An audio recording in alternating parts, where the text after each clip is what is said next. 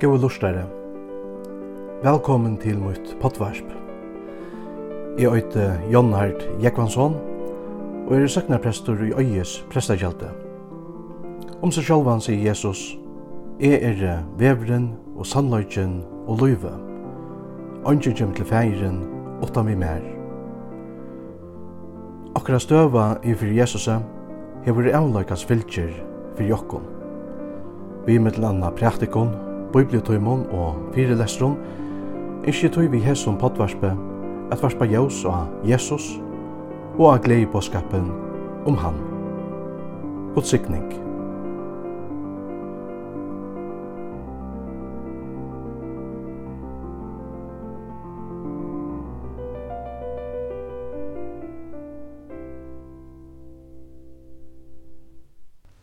Og i samband vi konfirmasjon pleier at hava en luttla iverhøyring. Her er mittel anna spyrje konfirmantanar. Heilaur ante skapar og varvøyter okkon i trunne vi 5 B-vitaminon. Hverjar er det her? Og så sværa konfirmantanar i, i fela og brukar ofta hånduna, eller fingrarna, bæge, båre, bønnen, biblian og brøralegin etter nekka som vi terspa saman vi konfirmanten om. Som sagt, skerpar og varvøyter heilar ante trunna vi har som fem B-vitaminer. Då er det òsne avgjerande fri okkon at halda fast saman om hessar såkalla og B-vitaminer. Lukka som det òsne var avgjerande fyrir de fyrste kristne at halda fast saman om det. Og i Apostelsøvne kapittel 2 leser vi nemlig om hina fyrste kristne samkomna. Er det stendur? De som nu tåk og vi år i hans herra, var det døypt, og tann dagen lødde oss okkurst om 3000 saler til, at det er så ta fyrsta bæge, bæge. Og til etterfylgjant versen å lesa vidt, og til hildu fast saman om lærer og apostlana, og samfelleie, og breibbrautinskina, og bønner. At det er hine fyra bægene. Så ta samer òsne galdante fyrir okkon, Det er sånt så vi som kristen øya at halda fast saman om. Jeg fyrir tøy at hitja og sentur nærri at det som såkalla og 5 B-vitaminon, som er vi til å skapa og varvait okkon utsynne av Jesus. Vi byrja vid det fyrsta B-inon, B-eie. Vi vujjande døpnon, åndstrykker Luther og i Lutlo katekismus og sier Døpren er ikkje vatten ønsamalt, men vattnet skilla til og gods bøye og samøynt vi Guds åre. Tøy utan Guds år er vattnet bæra vatn og ønsken døper, men vi Guds åre er det en døper. Det er et nøyrukt løfsens vatn og et endeføyngar i nær bæ og gjennom høyleia anda, sier Luther. Guds år er altså virkje og i døpnån. Og etter hversen det som kyrkjefeiren Augustin leid dent da, han sier at året kommer til elementet, altså vattnet, og skapar eit sakramente. Dåperen er altså eit sakramente, som vi kallar det. Og det vil si ja, en høyla gjer som er innsett av Jesus og som ber okkon Guds større nei. Og i seg sjálfun er elementet bare vatten, men ta året, ta Guds år kommer til vattnet, så får vattnet samme virkesmått som året. Det er det større ting som han hentet i sambandet vid døp og kyrkene. Og etter er årsaken til at døperen vil kalla for en nøye miel. Og den om døpen så kjøver det alt er geng, og boanna av Guds året som nøye miler. døperen er en mil som god brukar, han kjøver til ønstøkke menneskene lot og i frelsene. Og i Luther katekismus understryker Luther øsne og sier at døperen virkar fyrigjeving sintana, løyser fra deianon og djevlenon, og gjør ætlund tøymon og hesen trykva henne evig og sælo. Så god han er virksamur i døpnon og samøyner tan døpta vi Jesus. Og det er gjørst under akkallan av hinnon trøyøynia gode, til navns fægersens døypa vid, og sonarens og heilig andans. Og her vi er hinn tre øynige god til stier og virksamur og i kristna døpnum. Og i døpnum vera vi døpt inn i Jesu deia og opprøysene, hva vi sier. Døpt inn i det som Jesus har gjørst fyrir jokkon. Jesus han tekur begge syndaran og syndina, visser oppa krossen og inn i deian og gjerrar alt og gjerne vattare grøv, kan vi kallar det. Og opprøse vatt og grøvne, ryser et nytt menneske som er leiskjept ved Jesu blåe og rønsa fra atlære er talvan kan også minne okken av det som det snur seg om. Jesus teker alt okkara visser oppa krossen. Okkara synder og okkur sjálve. Paulus orða det såleis i Ramarabraunum. Öll vit som døpt er til Kristus Jesus er døpt til deg hans.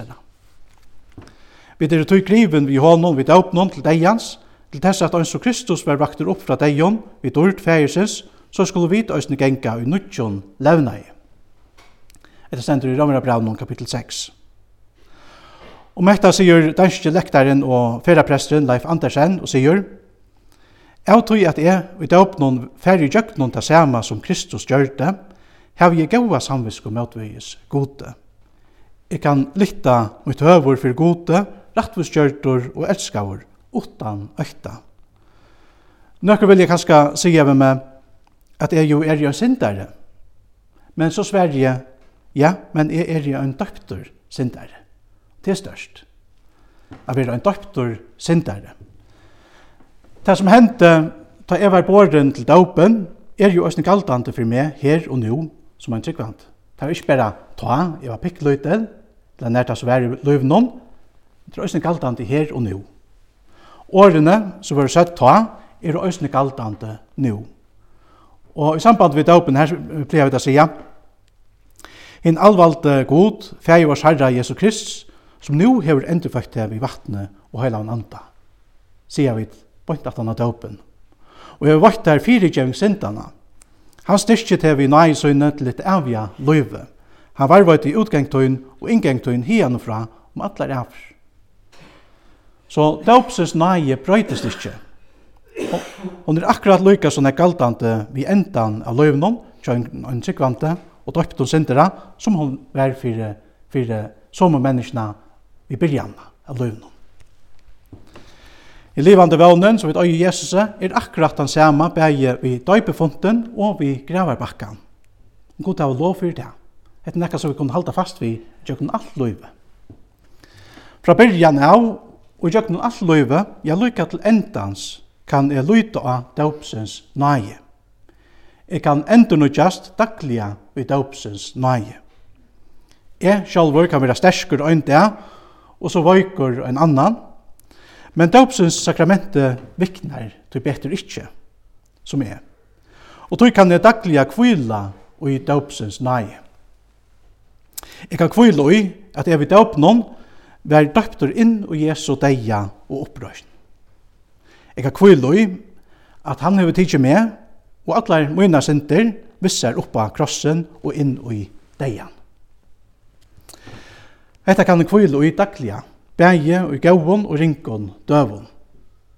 Som tryggvante og døptur kan jeg og to velja lyta hekta som Paulus understrykar i Ravera Braunon. Han sier, at okkara gamla menneska er krossfest vi Jesus.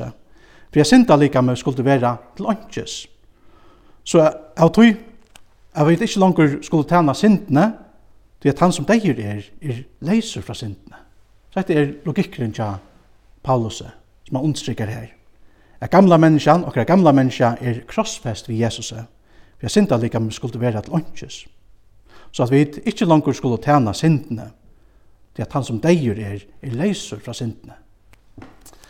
Da stender Øysten i Rammerbraunen, kapittel 6. Og hekta ståra hever Jesus syrst fire visen om deia og visen i opprøysen. Og tog kan jeg som er frelstur syndare og sin dagliga liva vi hesson sannlaganon og i hesson verilaganon. Og etter hesson det som Luther sier til og i Lutlo katekismus, da han spyr, Kvart er så vattnet i døpnen og tekken om? Og så sverar han, og sier, det mestjer, at den gamle Adam og Jokon, altså gamla menneskjan, og Jokon, og er affære ontor vi dagligere iran og bøt, og at vi er dripen vi ötlun sinton og öntun liston. Og at her at møte i hinnutja menneskjan dagliga og er komma undan, og at røysast opp og liva om æver fyrir gode, vi rattvise og røynleika. Vekna Jesu fullgjørda versk av Golgata kunne vi liva i Jesu dagliga. Gamle Adam er krossfester vi Jesus. Tøy kom vi vi Iran og Baut og halda gamla Adame nirre og i stegin leta hitt nutja menneska koma fram dagliga. Hekta nutja menneska som ta òsne vær boa om av daupstenon. Her vi sier, en alvalde god, fæg vår herra Jesu Krist, som nu hever endurfødt til vi vattnet og høylaun anda, og hever vart der fire gjem syndana. Hette ta menneskjan som det snur seg om. Hette ta som vi kalla døpsløyve, det vil sija, a bruka døpsnægina i gjerande løyvnum. Onkur kallar hetta òsne fyrir døpsterapi. Det verður eitt terapi i jøkken at løyve, nekka som vi kunne avhaldande og afturvendande venda okkur til byrja få hjelp i løgnon. Døpsterapi. Kristna løyve som byrjar i døpnon og heldur han lykka til deian er et løyv her vi bruka eller liva og bruka hentan ryka sannløyga. At okkara gamla menneska vi öllun som sindon er krossfest ved Jesuset. Og vi som endurfødd og nødt menneske er jo livande og i Jesus. Etter er en real, en veriløg som vi kunne leve i. Så Gud velsigni okkon öll til a liva hekta døpsløyve. Og så er det det neste beie, det er båre. Hatta var beie, så er det båre. Vi alt er båre trykka vi, at breie og vojne vekna Jesu år vi er samøynt vi hans likam og blå. Jesus han sier jo sjálfur, hekta er lika mutt og hekta er blå mutt. Og ta vid færa til altars, trykka vid, og vi takkar møte sjálfun Jesus vi at etta og drekka. Ångastane og i hesson faldarløyve er vi så nær Jesus som ta vi færa til altars og få Jesu likam og blå til en høyla løkta. Ta ta vi spurst, hvordan likamlig ektan og drekkan kan avrika så større versk, så sier Luther og i Lutlo katekismus, At ekta og drekka avrikata vis, visselig ikkje, men ta og avrikata er hesi år. Og så sier han, ta veri give og uthelt fire tikkun til firegjevingar syndana. Det hesi år er saman vi tar i likamli og ektan og drekkan i almale og i sakramenten. Og så sier, sier han, og tann og i trur hesun åron, han hevet her og i ta sida. Så tryggven av Jesus, og syndana fyrirgeving i hans lika med og blaue er avgerande. Tann og trur heson og hever til og til sida, nemlig syndana fyrirgeving. Så vi kan også si at vi øren og aron og spyrja, tørva til syndana fyrirgeving, verilig. Så kom til altars. Men jan dauperen er nekka så vi gjør øyna fer i løvnum, er altarsens sakramentet nekka som en kristen skal bruka jaunan. Det heiter en måltøy og gjev ut av tryggvante, og døpt og styrke til kristenløyve. En måltøy som vi er avhaldande kunne njóta, for jeg vil ha styrke i løyvnum som kristen. Vi altarborri har vi et trøytopult samfella. Samfella med god og Jesu likame og blaue, samfella vi alla hinna heilavu og allmenn og kyrkina, bægje og himle og av gjør, og samfella hvem vi annan, hver vi annan, i okkar egna kyrkjelige. Og et trøydobult samfella. Heilaja kvaldmaltøyen er ein godgiven kjelda til sikningar og varvarslo i løyvnum tja dem kristne. Tøy gjev det gaua møyning er koma jaunan til altars. Og så er det det tredje beie, bønner. Og i Bibelen lærer Jesus okkon sjálfur a bia og sier, Men to, ta du heldur bøn, ta fer innar i kamartutt og lagt attur hurtuna og bi til fægertun som er i løyntun. og fægertun som ser i løyntun skal gjalda til, sier Jesus. Stor lyfter er og østne knukt at bøn. Paulus han sier, enn stane, Vi er ikke styrner for nøkron, men lagt i öllum loton tro han tekur að koma fram fyrir god og i akatlan og bøn vi tøkk. Og Guds frigjør som ber av öllum vite skal varvaita gjørstu tikkara og hugsanir tikkara og i Kristi Jesus. Så hetta er det som vi fóa og i løgnkammeren, frukten her. Vi vera varvaita i trunne av Jesus. Og i kjente bøkene fra bønnens verden sier norske godfrøyngren Oli Hallesby og sier Løgnekammeret er ein blågjør vøyvødler. Her færre ekvislier og laknotunnkje bærte her fram. Her verur, verur salana avia lakna avgjørt, og i kvirro og ønsemme, utan at menneskje suttja og høyra, sier Hallesby. Det er ikke utan grunn at Paulus minner til kristne og i kolosso av Abia, og sier, vi er avhaldande og i bønne. En ærstan sier han, bie utan uihald. Nekst størst og avferteligt hentur i andas høyme, tar vi bia. Jeg var stedfra en verslig og skjønner mye, ikke ser ut til at jeg var så nekve passe at lytja ønsamatler av knæ og bøn til god. Men det som heimre møter for ønske er avgjerande i andans heime. I samband vi bøn Daniels leser vi, og til kapitel 6 i Daniels bøk, Mian er enn tænleie og bæ, og jotta jeg sinter møyner, og sinter folksmøyns og Israels, og frambær for i Asjan herrans godsmøys møyner bønne og bønner, ta kom Gabriel, som i avur hei seg i sjåne, vi fer flikvante tatt til møyn. Og ta han var komen, malte han vimme og seie, Fyrst at du forsta bia for et årjot, og nu er det komen at kundgjera ter til. Og i tog løkta Daniel for a bia, var en ønskjel Angelen Gabriel sender ut vi en åre fra gode. Så det henter sannliga nek størst og avfærteligt i andas høyme tar vi falta okkar henter i bøn. Etla som vi synkja, og som vi døyskul synkja i det, Jesus er den beste viner, vara sint og sorg han bær, alt i bøn vi kunne bæra til var god og kvila her. Ofta ongan fri vid øya, ståra sorg og luttla løn, Øyna tøy vit ikki bæra alt til god og trygg og bøn. Ein gau amening. Så god hjelp jokkon til å bæra alt til god og trygg og bøn. Tøy er kvørt han og byr, han fær, og tann og løytar, han finner, og tøy benkar på skal vera lagt i oppfyra. Hette er jo Guds lyfter, og snitt okkon.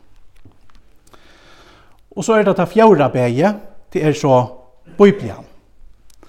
God hevur giv jokkon sutt år fyrir a frelsa, varvøyta og styrst okkon ut trunne.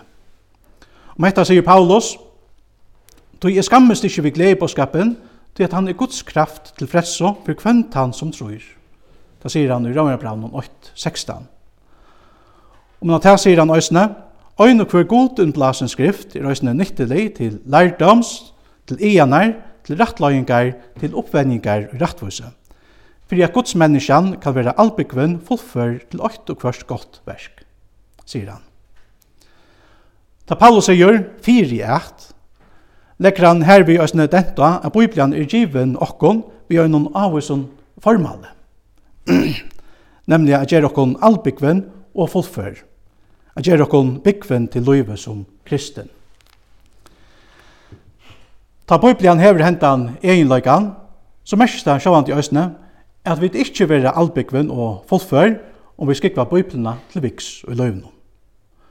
Bøypli og lesna vår er så stakt avgjørende for dere andalige løv. Ta vi tar om bøyplene, tar vi om god innblåstar skrifter, så som Paulus årada. Inspirerer jeg av gode.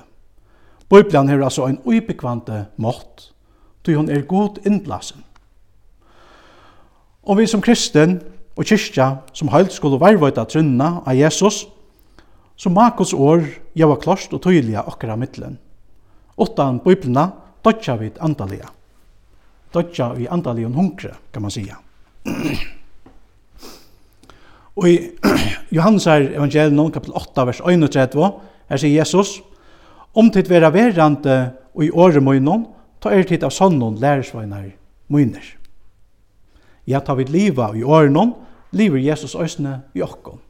Det er en sammanheng. Salmor 119, vers 105, sier det så godt. Tutt år er en lykt fyrir fautemøynon, og et jævs av gøtemøyne. Om vi døymynd okkon er vi eina myrska nått, er av vi heim tjøknon eina skau, men ikkje var nekka jævs til a løysa okkon vegin fram, så vittlas vi kjøtte av løy. Åttan et jaus i myskrenon dekta vi kjøtt om støynanar og grøynanar av gøttene. Åttan et jaus av gøttene sutja vi ikke om vi overhøver genga retta løy. om vi tar et måte heva et jaus av gøttene, så sutja vi hver okra føtter støya.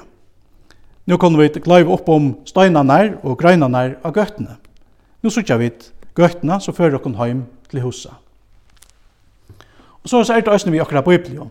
Hon er eit jævs, eit godomlet jævs i myskrenon, ein vevvisare til himmels.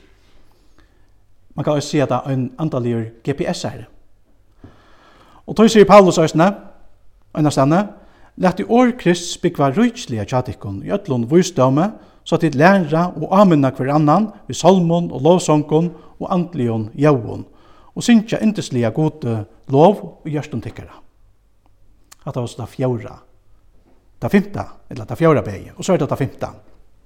Og så ennast Brøra leie. Den fyrsta kristna samkomman helt oss nu fast saman om brøra leie, det vil säga felaskapen.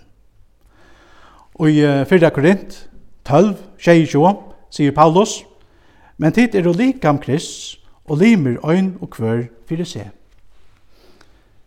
Kyrkjan er ikke bare øyn bygninger, fela eller en stavnor som mennesker har tidsi seg saman om.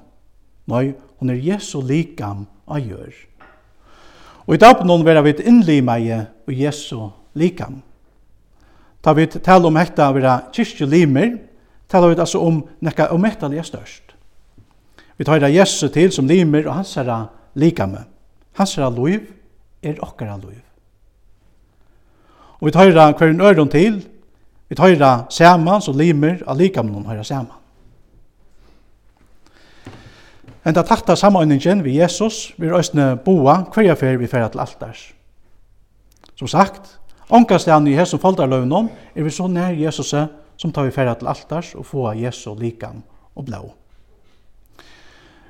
Men vi altarbore har vi ikke øynans fellesskap vi Jesus, vi tar òsne fellesskap vi kvann annan som prøver og systrar i herranom og som Guds kyrkja her av folk. Som kyrkjelimer er vi saman om hessa vevnena, som vi tøysene færre er sinje om om man har løtt. Om landamarsk og tjaua, når jaua støvn og råp, er fralsesbrevet gaua, ein drott, ein trikv, ein døp. Eit høylagt navn hon nevner, eit brei av bori er, vi øyne vøvn hon støvner, gos kyrkja fram affær. Så lett jeg kunne halda fast saman om här fem B-vitaminer som har var en eller en avgjerande tøytning for okra andliga liv. Bæje, båre, bønnen, biblian og brøra leie.